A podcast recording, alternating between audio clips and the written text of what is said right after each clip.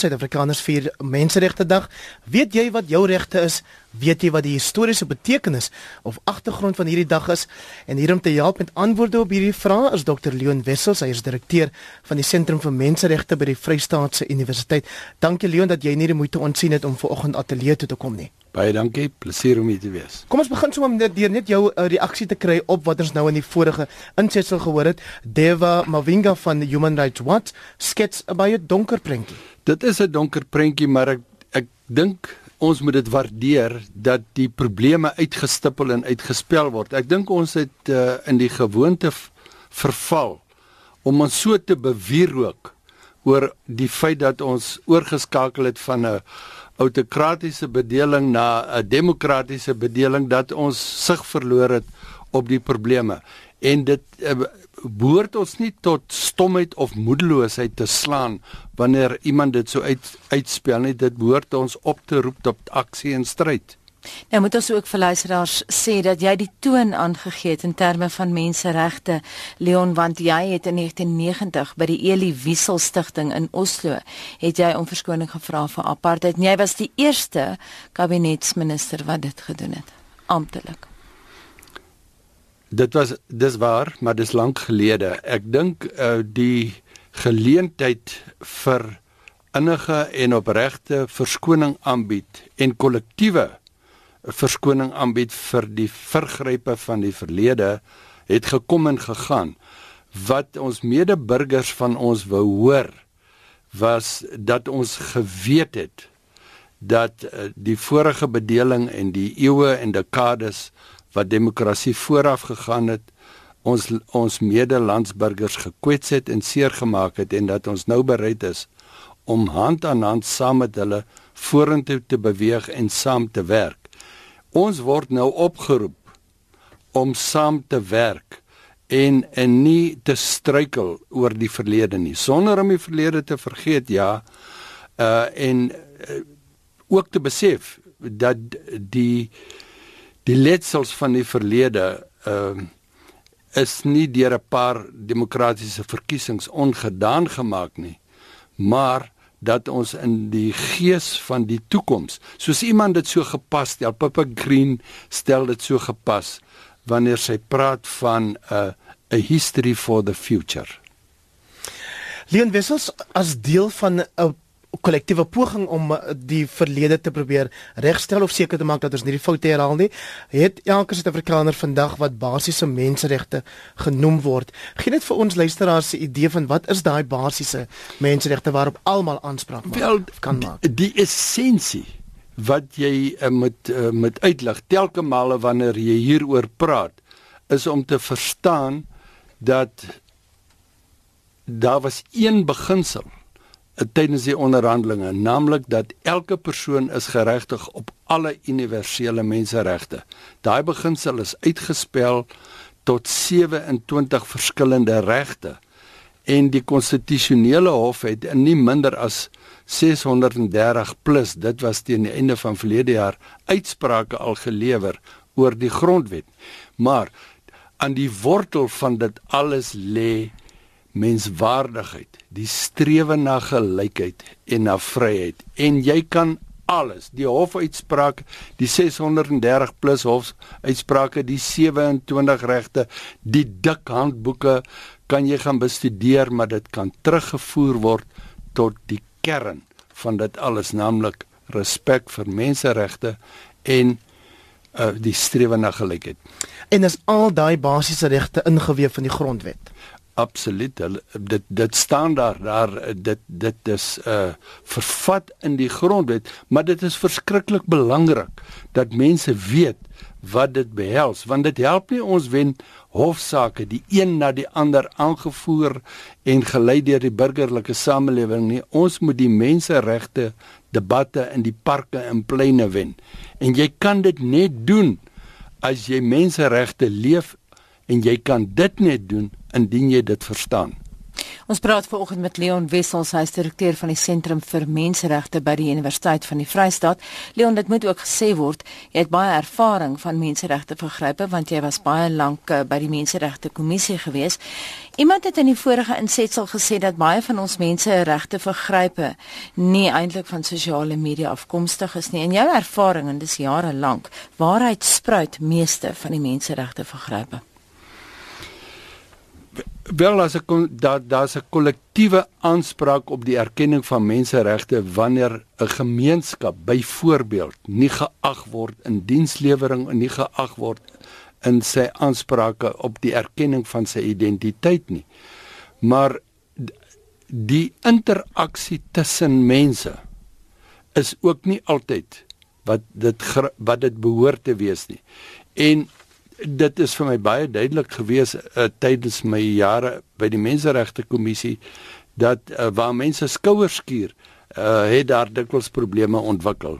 Van watter aard ook al dit is 'n werkgewer werknemer situasie dit is gewone uh, twee burgers wat langs mekaar staan en disrespekvol teenoor mekaar optree of dit is 'n staatsamptenaar wat uh, uh, wat nie sy sy pligte nakom teenoor 'n gewone burger nie. So uh, daar is verskillende uitvalshoeke, maar aan die wortel van dit alles lê steeds die feit dat ons mekaar nie as mense respekteer nie. Die debatte oor menseregte het deur die jare geweldig verander. Ons praat nie meer van sogenaamde blou, rooi of groen menseregte nie. Uh mense weet nie eers meer wat dit is nie want dit is hoe vervleg dit geraak het. Blou verteenwoordiging van politieke regte, rooi van sosio-ekonomiese regte, groen van omgewingsreg.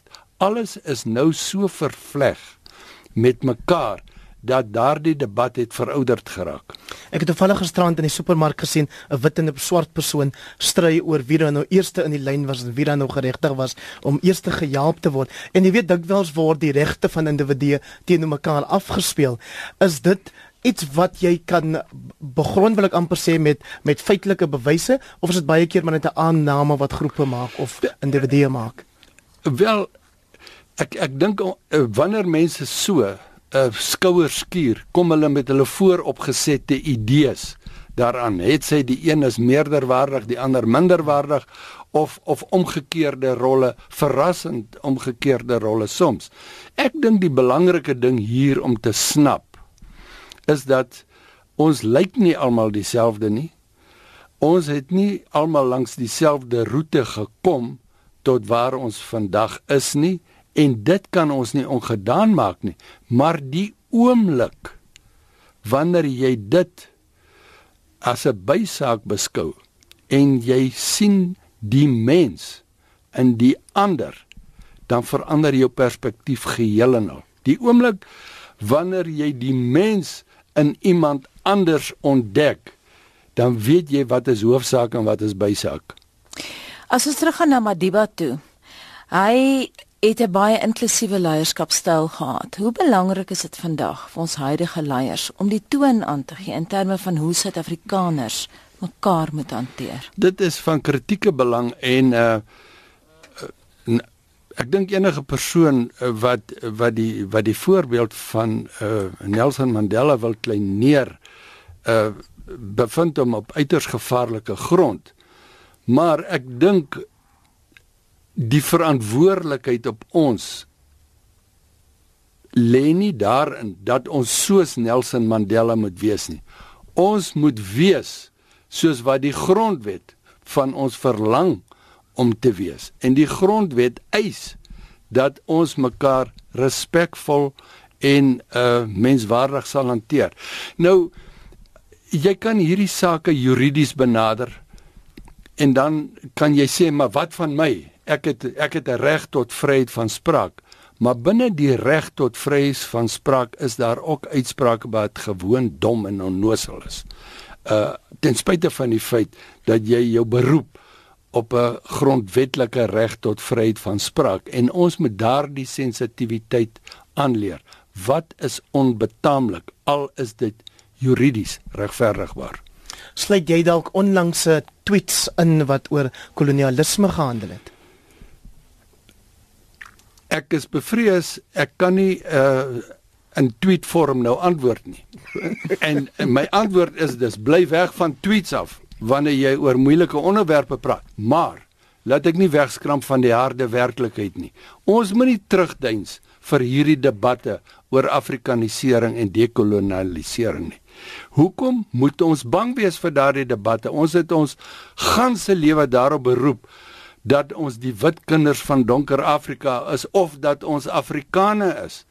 En in die ou bedeling het ons almal onder uh die nasionale embleem gesê ex unitate vires in in die suiwerste moontlike latynse uitspraak. Maar nou wanneer ons afrikaniseer kan ons nie sê tre et clarate nie. Hoekom is dit so ons moet hierdie ons moenie terugdeins van afrikaniseer en laat ek net my haas om te sê Afrikaners sê vir my dekolonialisering sonder Afrika waardes beteken niks. En een van die dinge wat dit behels is jy moet seniors respekteer.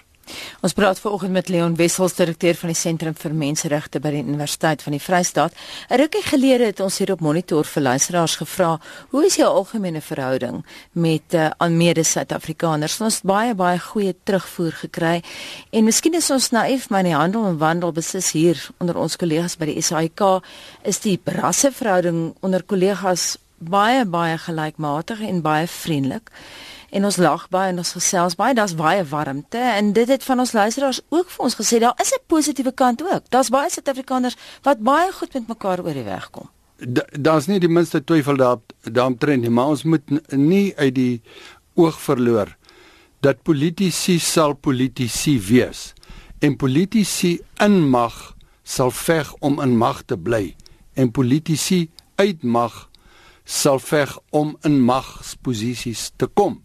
En daarom is die politiek ten opsigte van 'n uh, versoening 'n uh, begrip vir mekaar bou 'n uh, beduiwelende faktor.